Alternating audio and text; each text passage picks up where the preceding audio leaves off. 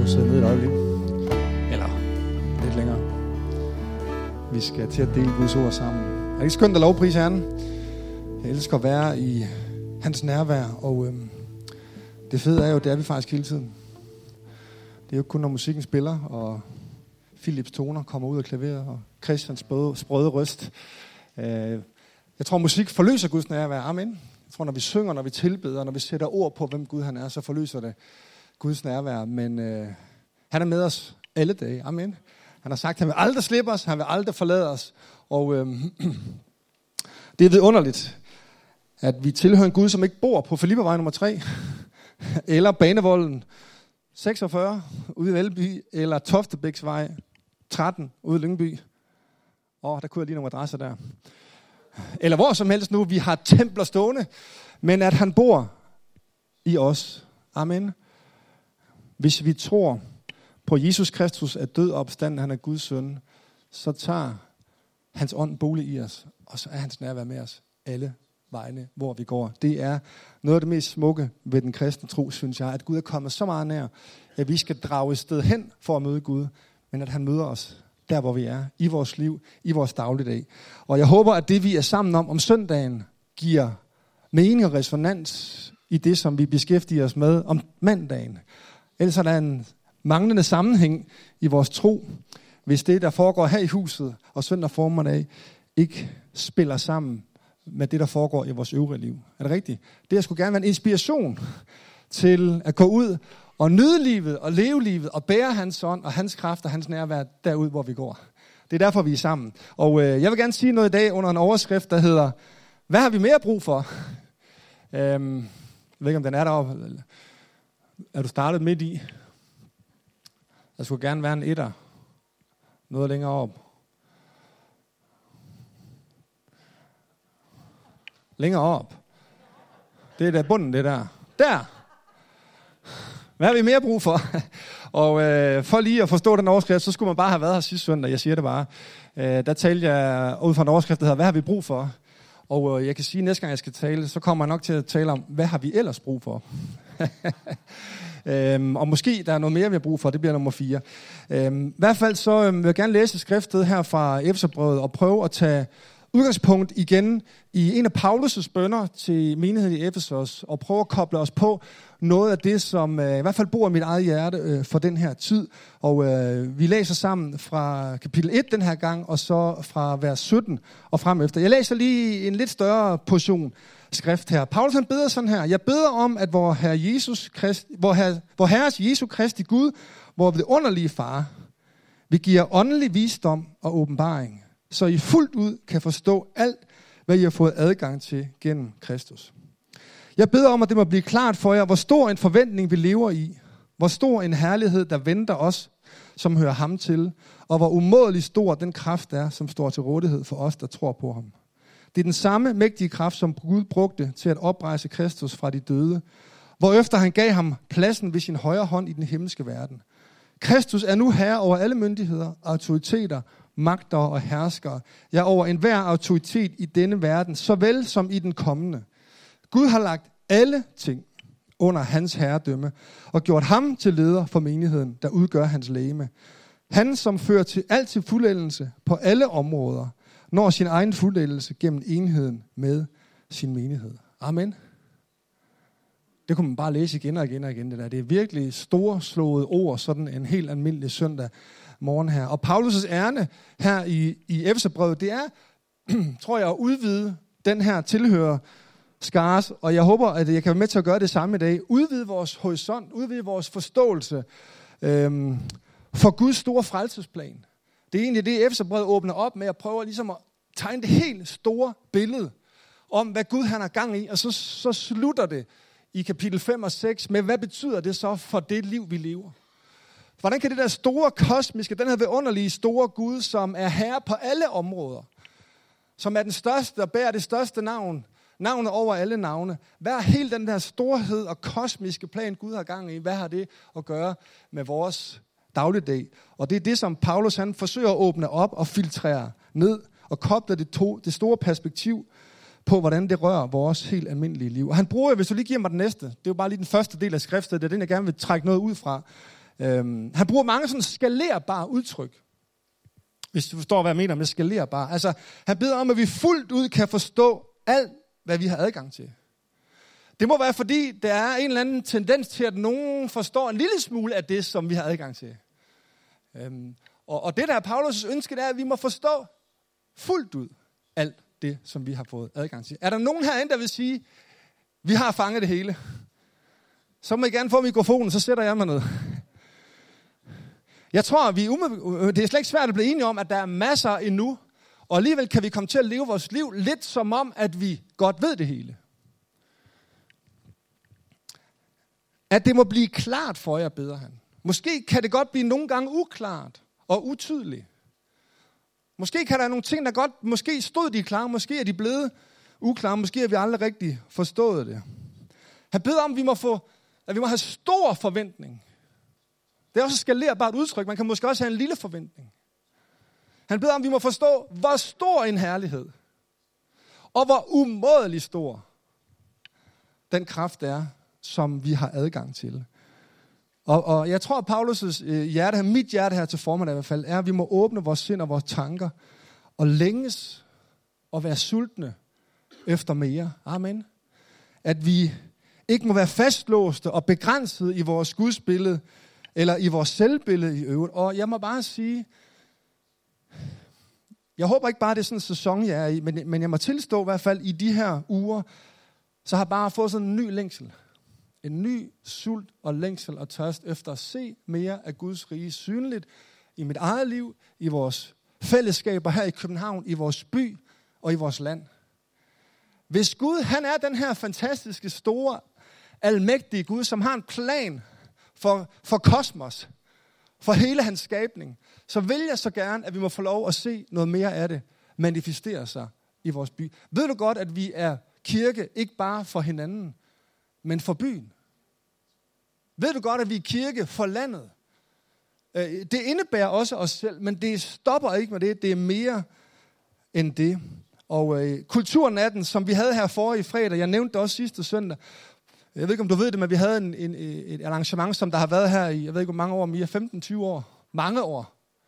Uh, en tradition, der er her, hvor vi åbner kirken op her for, på Kulturnatten, og alle vores gospelkor, tre gospelkor, holdt hver deres koncert, og der blev serveret muffins og kaffe, og kirken var fyldt tre gange.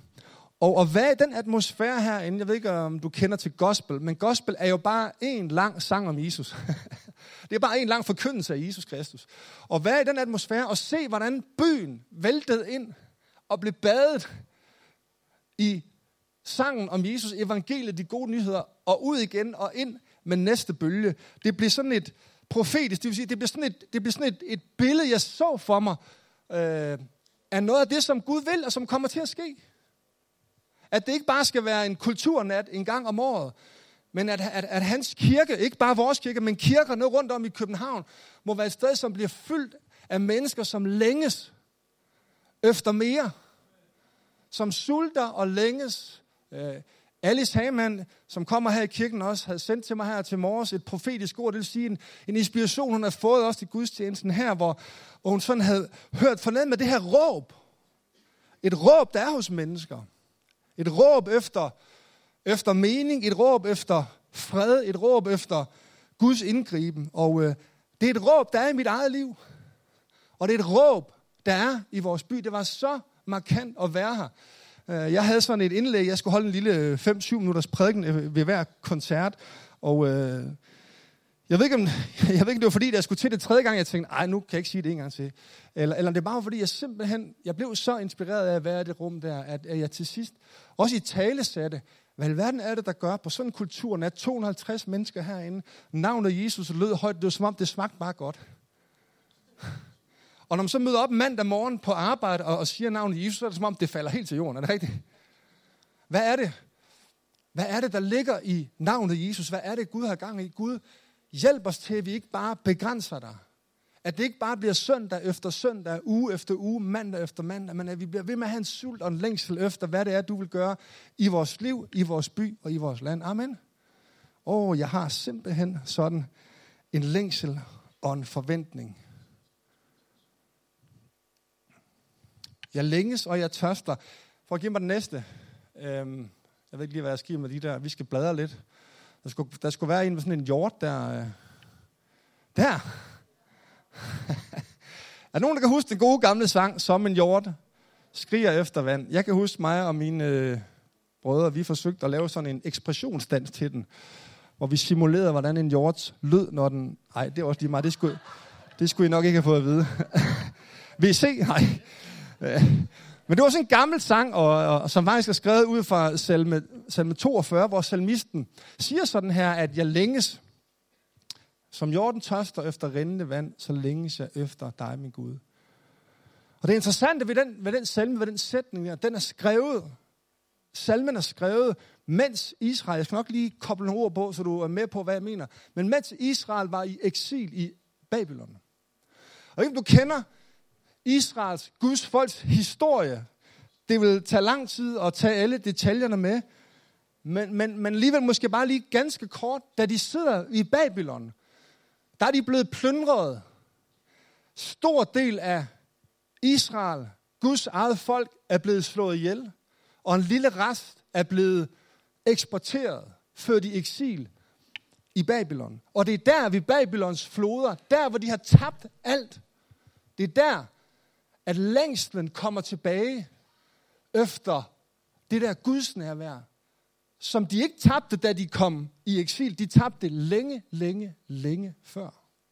Der var faktisk en årsag til, at Gud førte dem i eksil. For at bringe dem til et sted, hvor de igen ville længes efter ham.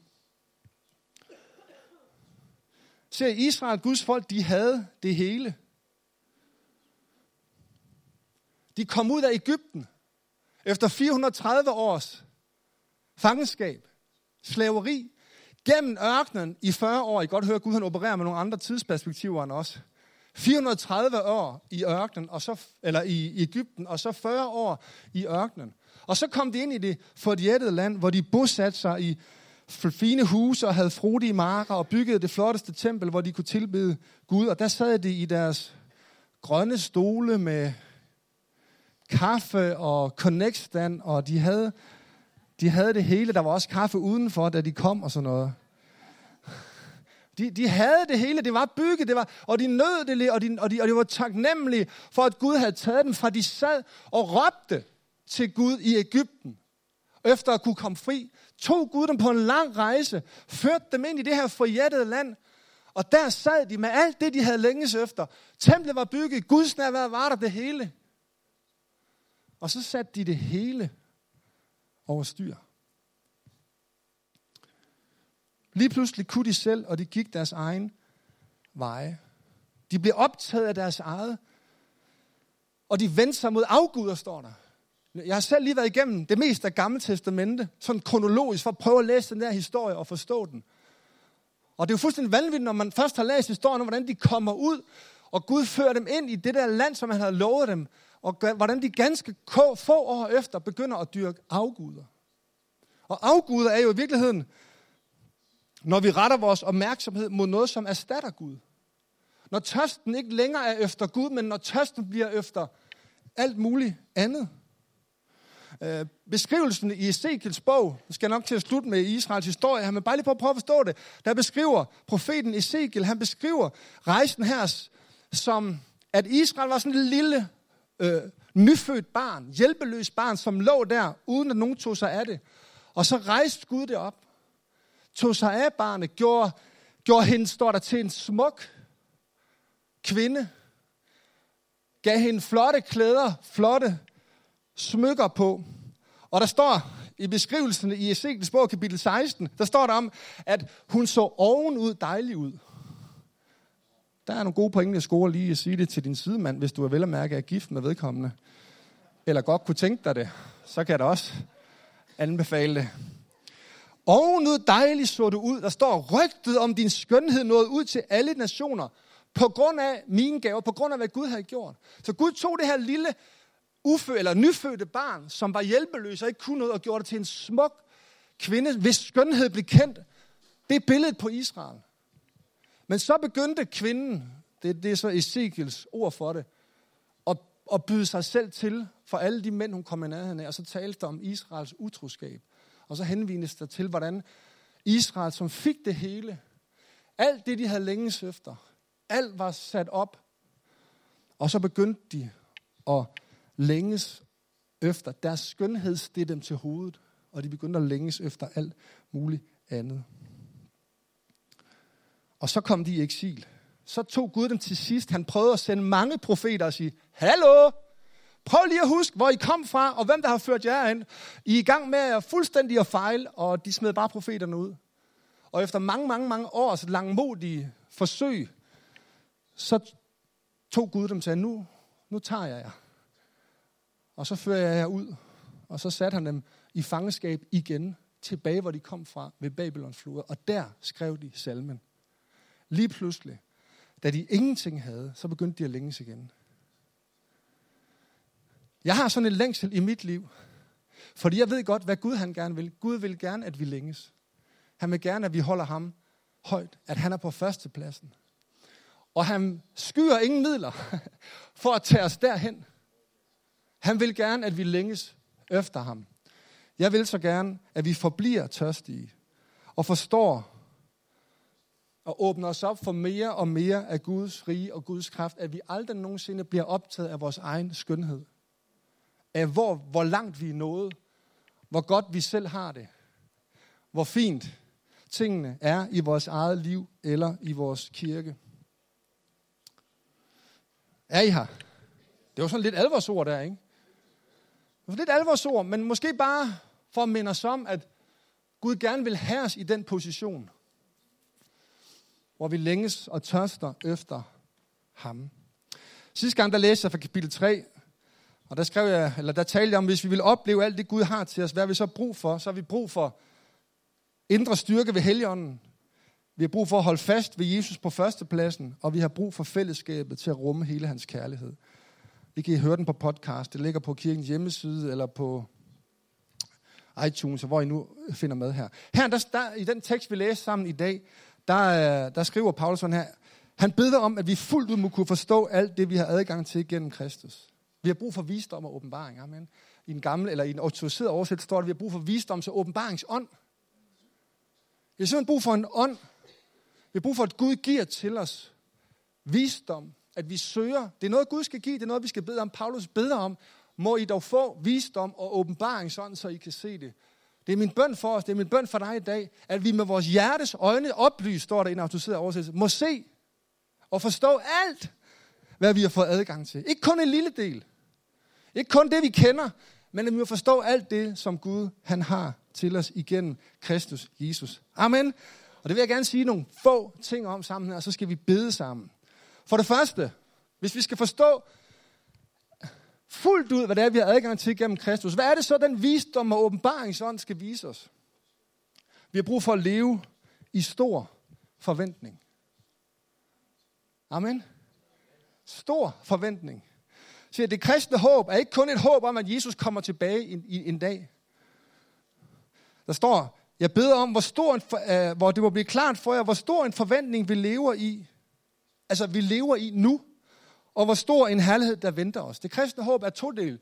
Det handler både om det, der venter os, og så det handler det om det, som vi lever i nu. Amen. Og der er en forventning, som Gud ønsker, vi skal leve i, også i det, som vi er i nu. Gud, han er ikke en fjern Gud. Amen. Han er en Gud af i dag. Han har givet os håb også for i dag, og han har hånd ikke bare om fremtiden, han har hånd om nutiden. Man kan gerne sige til dig, Gud, han har kontrol. Han er i kontrol. Det går, at vi kigger ind i nyhederne og aviserne og tænker, er du sikker på det der, Jakob? Jeg er fuldstændig sikker. Det står i Efterbrødets kapitel 1, og hvis ikke Gud han er i kontrol, så er han ikke Gud.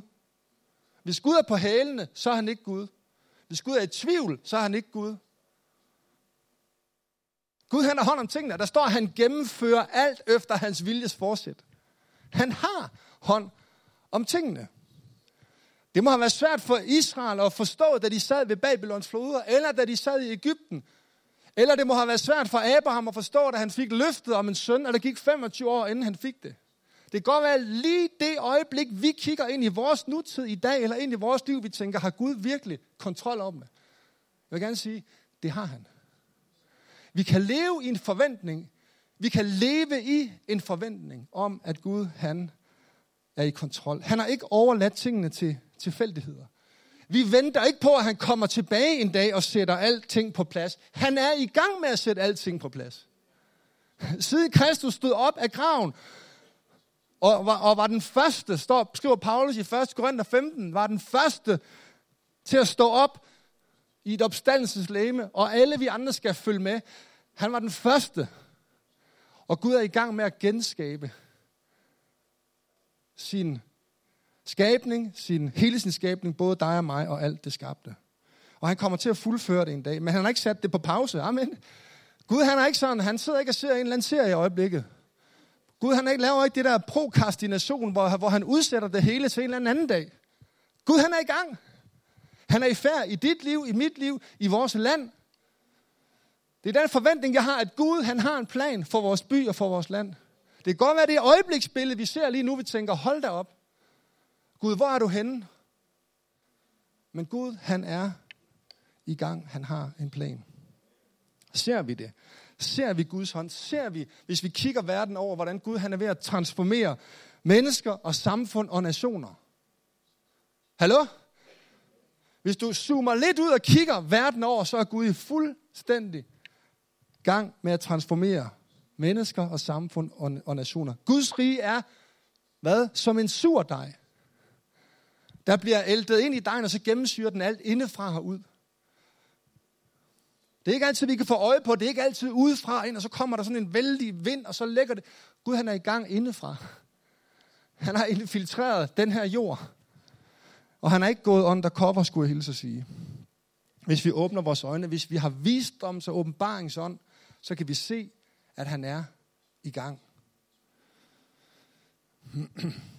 Vi skal passe på, at vi ikke kun kigger på sekulariseringen her i vest, og så ikke opdager vækkelsen, der foregår i øst og syd. Eller vi skal passe på, at vi ikke bare kigger på det øjebliksbillede, vi ser her i vores egen del af verden. Gud, han er i gang med at gøre noget. Gud, han har ikke holdt op med at være Gud. Vi læste sammen, han, er først, han har førstepladsen på alle områder. Amen.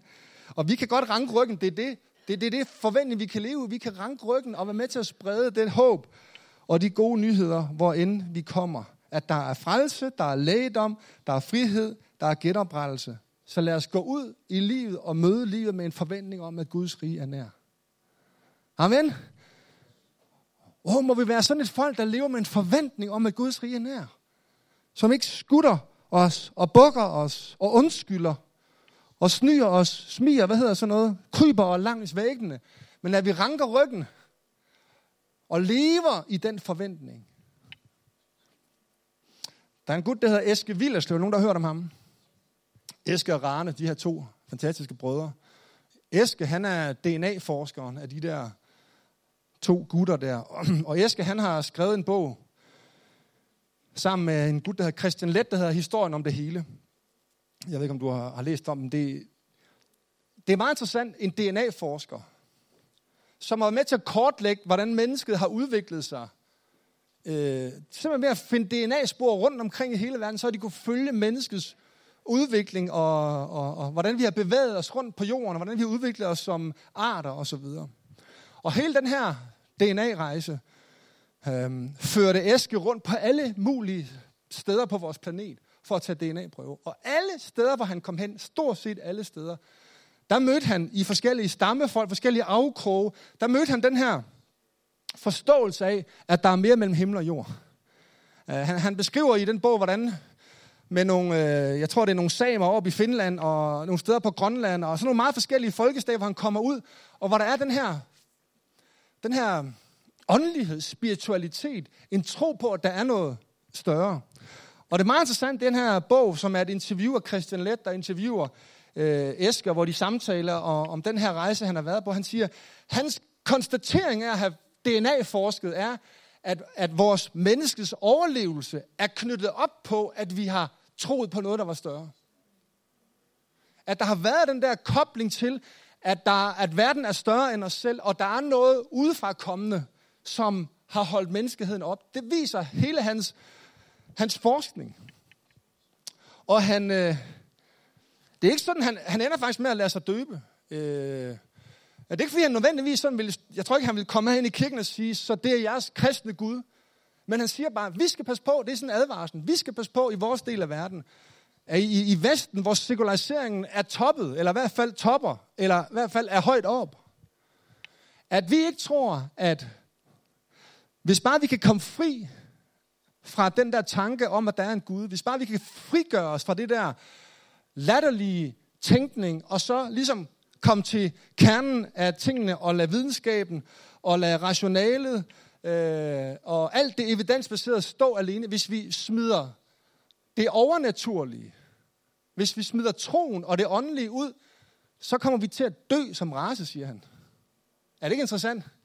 At en DNA-forsker på den måde konstaterer, at det, der har båret menneskeheden i alle årene, har været længslen, håbet, troen. Og jeg vil da gerne lige smide ind i ligningen i dag, helt forsigtigt, uden at blande mig i øvrigt i hans forskning. Så vil jeg da gerne bidrage og sige, at der findes kun én Gud.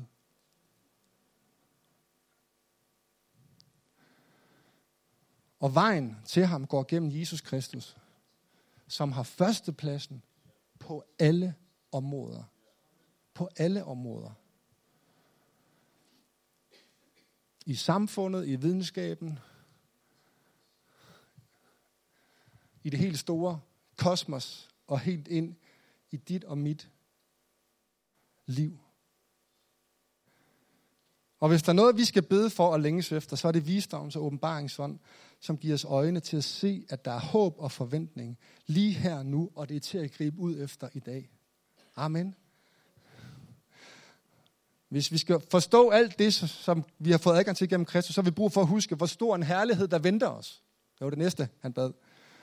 Og vi ser det jo i små lysglimt, hans riges virkelighed. Hvor mange vil sige, at de har set Guds rige i praksis folde sig ud i et menneskes liv? Og bragt glæde, eller lægedom, eller håb, eller hvor mange har set Guds rige sådan i praksis virke? Ja, vi er mange, der er mange vidnesbyrd herinde. Vi er mange, der kan bevidne, at det vi læser om her, det her Guds rige, som vi længes efter og håber på, vi, vi ser det. Vi har smagt det, amen. Kom og smag, kom og se, at Gud, han er god. Men vi ved også, at han fuldender det en dag, er det sandt? Hvor bliver det skønt? Hvor bliver det vidunderligt? Der kommer en dag, hvor Gud selv i al sin herlighed vil opfylde jorden, og himlen og jorden bliver et, beskriver Johannes det i åbenbaringsbogen kapitel 21. Lad mig bare lige prøve at læse et par vers. Se, Guds bolig er nu hos menneskene. Det her, det er det, er det der venter os. Det er den herlighed, der venter os. Han vil bo sammen med dem, og de skal være hans folk. Han vil tørre hver en tårer af deres kind. Og der skal ikke længere være død eller sorg, skrig eller smerte. Alt det gamle er forbi. Se, jeg gør alting nyt. Det er troværdige og sande ord. Og nu er det sket. Det kommer til at ske, men Johannes han ser det sådan her, nu er det sket. Jeg er alfa og omega, siger Gud, begyndelsen og afslutningen. Og de, der tørster, vil jeg frit lade drikke af kilde med det livgivende vand. Der kommer en dag, hvor Gud sætter tingene på plads. Paulus han havde sådan en vild længsel. Han, han, fik, han fik udtrykt det sådan her i Filipperbrødet, at døden er en vinding. Det er sådan lige, der er jeg ikke, der, jeg længes, men jeg kan godt mærke, jeg kan godt mærke det, det er nogle store ord. Men Paulus har alligevel forstå, han siger et andet sted i, i Romerbrødets kapitel 8, at den herlighed, eller den, de ledelser, vi skal gå igennem nu, er indsat i sammenligning med den herlighed, der venter os. Hvor er det vidunderligt i dag. Midt i det, vi står i, midt i de tårer, som stadigvæk løber ned af vores kinder, og midt i den smerte, som vi erfarer og bærer rundt på, og vide, at en dag, så kommer han til at tørre tårerne af vores kind. Amen. Jeg ved ikke, hvilken lidelse eller uretfærdighed du går igennem, men jeg ved, hvilken herlighed der venter. Så gør det ikke så meget, hvis skolefotoet ikke er helt perfekt. Jeg ved ikke, om der er nogen, der har fulgt med i debatten og set Melvin Kakosas børnehavebillede, og det blev lidt internt. Der, øh, der har været en debat sådan om, hvordan åbenbart mange forældre, der får taget skolebilleder nu af deres børn, simpelthen kontakter fotografen, der vil have retuseret billederne, så de ser godt ud.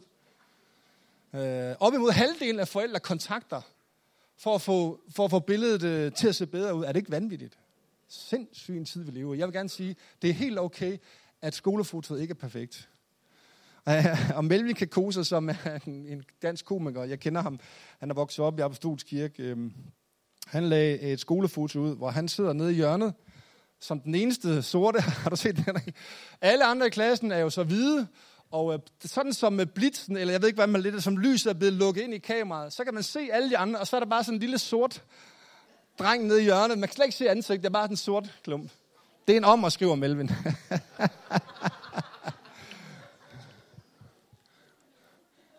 Men jeg kan, lige så godt, jeg kan lige så godt sige det som det er. Vi kommer aldrig nogensinde til at leve i en perfekt verden.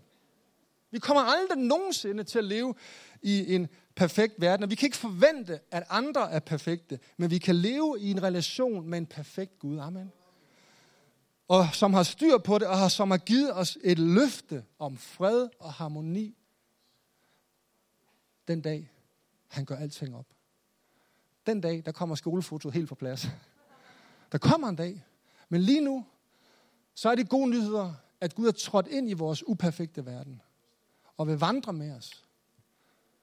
Det er det håb, der vi kan leve i, og det er den herlighed, der venter os.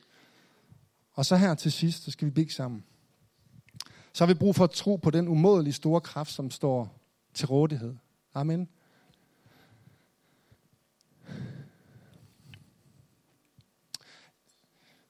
Guds rige er fuld af kraft.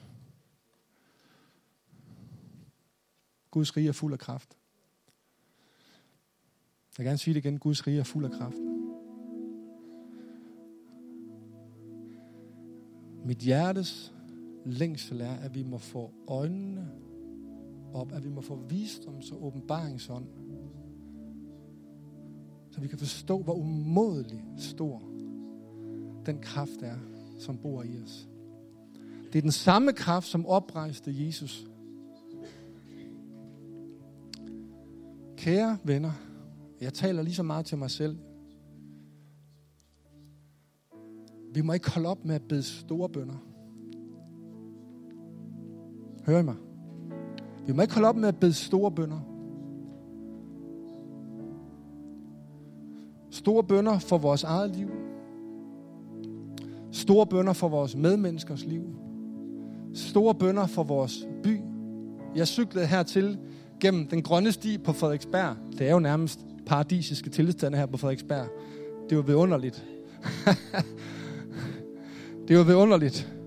Og, jeg, og jeg, når jeg cykler hen om morgenen, jeg cykler herind mange morgener i løbet af ugen, så beder jeg for København. Og nogle gange, så, så, så, går, så cykler jeg og tænker, hvad laver du, jeg beder for København? Halv, halv million mennesker. Det er som om, jeg, jeg når sådan lige at tænke, gud, det, det, det, er, det er alligevel for voldsomt. Og så tænker jeg, nej, jeg vil gerne bede store bønder.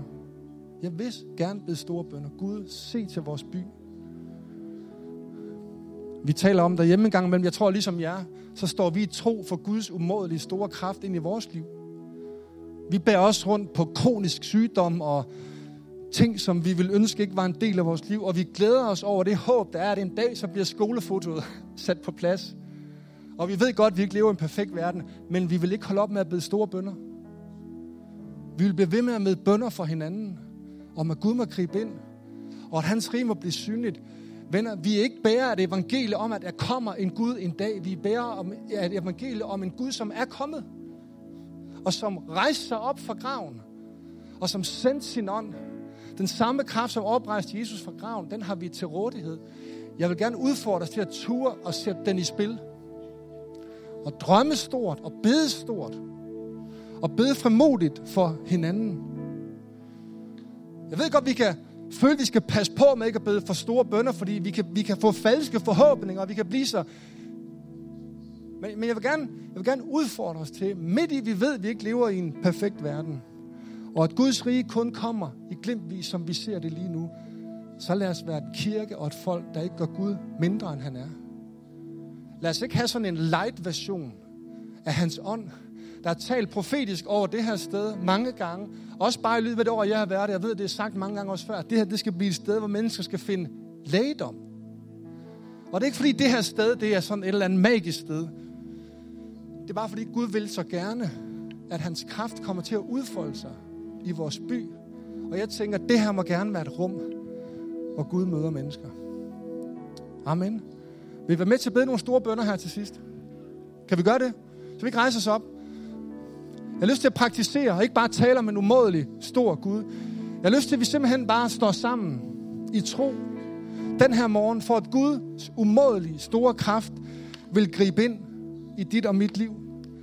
Har du en situation her til morgen, så du tænker, jeg har brug for Guds umådelige store kraft. Det kan være til lægedom, det kan være ind i nogle relationer, det kan være, du ved, hvad det er. Jeg har lyst til, at vi, vi skal nok lade bruge lang tid på det. Kunne vi ikke simpelthen som, en, som sådan et, et udtryk for vores sult og længsel? Har, har I ikke lyst til, jeg der gerne have, at vi står sammen med dig i bøn her til morgen. Kunne du komme herop og stå på en lang række? Vil det være okay? Nogle gange gør vi sådan, nogle gange får vi jer bare til at stå der, hvor I er. Men vil du komme herop og stå sådan der? Ja, tak. Liv. For din frimodighed. Er der andre, som står i tro for? Jeg ved godt, du måske er blevet bedt for 25 gange før. Jeg har lyst til, at vi skal bede for dig igen.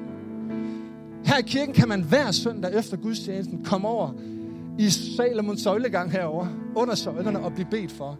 Og det er der også mulighed for bagefter, så hvis du synes, det er sådan lidt grænseoverskridende at komme herop, så, så er det helt okay. Så kan du også komme ind og få forbøn bagefter. Men er der flere, som vi skal stå sammen med den her morgen? Er der flere, som står i tro, og Gud vil gribe ind den her morgen? Jeg som er forbedre, jeg ved, I er her. Vil du vi ikke komme op og lægge hænderne på? Værsgo at komme. Og så øh, kunne jeg godt tænke mig, at alle os, som måske ikke lige er med til at bede, hvis vi har overskud til det, det er ikke et krav, det er bare en invitation. Løft dine hænder mod nogle af de her mennesker. Og så, øh, hvis jeg forbeder, vil komme op og bare lige spørge ganske kort, hvad står du i tro for? Og så, og så beder vi. Er der, er der en til hver? Er der flere, der kan komme op og bede? Er der flere, der kan komme op og bede? Nogle af jer, som er vant til at bede. Også selvom man er fra Valby, hvis man er vant. Susan, vil du ikke være med? Så alle lige får en hånd på, der er i hvert fald en heroppe. Så beder vi. Begynd bare at bede for dem, der står heroppe foran nu. Himmelske far, vi takker dig. Vi takker dig, at du er en mægtig Gud. Så begejstrede for, at den kraft, som oprejste Jesus fra graven, er her i dag, bor i os. Og vi vil bare være et stort folk, der tager dig på ordet. Vi vil gerne læne os ind i den storhed. Vi vil gerne læne os ind i, at du kan gøre det umulige muligt. Vi vil gerne som, som hende kvinde, vi læser om i evangelierne, der blev ved med at banke på, fordi hun havde brug for brød. Og til sidst, til sidst bliver der åbnet op. Bed, så skal I finde. Søg, så skal I finde. Bed, så skal I få. Vi skal, vi skal blive ved. Og Gud, vi takker dig, at du ikke kræver store ord af os, fine formuleringer. Tak, at du ikke kræver en, en, en, en, et særligt resume eller CV i vores liv, men at du vil møde os alene på grund af din nåde i Jesu Kristi navn. I Jesu Kristi navn. Tak for fuldstændig lægedom fuldstændig lægedom til alle områder i Jesu Kristi navn. I Jesu Kristi navn. Her gives visdom og åbenbaringsånd. Her så vi ser dig og det, som du gør. At vi giver os formodighed og mod til at bære en stor og mægtig Gud med os i Jesu Kristi navn. Tak for det her sted, Gud. Tak, at du manifesterer dig på det her sted, som du har gjort igennem mange, mange, mange, mange år. Tak for alle de bønder, der er bedt ud fra det her sted. Vi beder også en stor bøn i dag, Gud, for vores by, København, og for vores land, Danmark. Her vi beder om, at du vil gøre det, som kun du gør. Tak, at som du gav en ny tørst i hjerterne på israelitterne, da de sad ved Babylons floder, så beder jeg dig om, at der må rejse sig en ny tørst og længsel i vores venner, vores familie, vores kolleger, i den her by, en ny tørst og længsel efter noget ægte. Ikke bare efter et pænt skolefoto og en perfekt Facebook-side, men efter noget ægte, livgivende, som mætter, som holder, som giver nyt liv, som giver nyt håb. Tak, Jesus, at vi kan stå i tro for hinanden og for vores by i Jesu Kristi navn. I Jesu Kristi navn.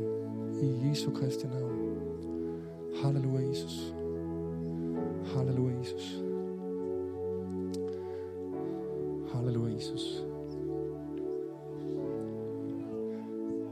Halleluja, Jesus.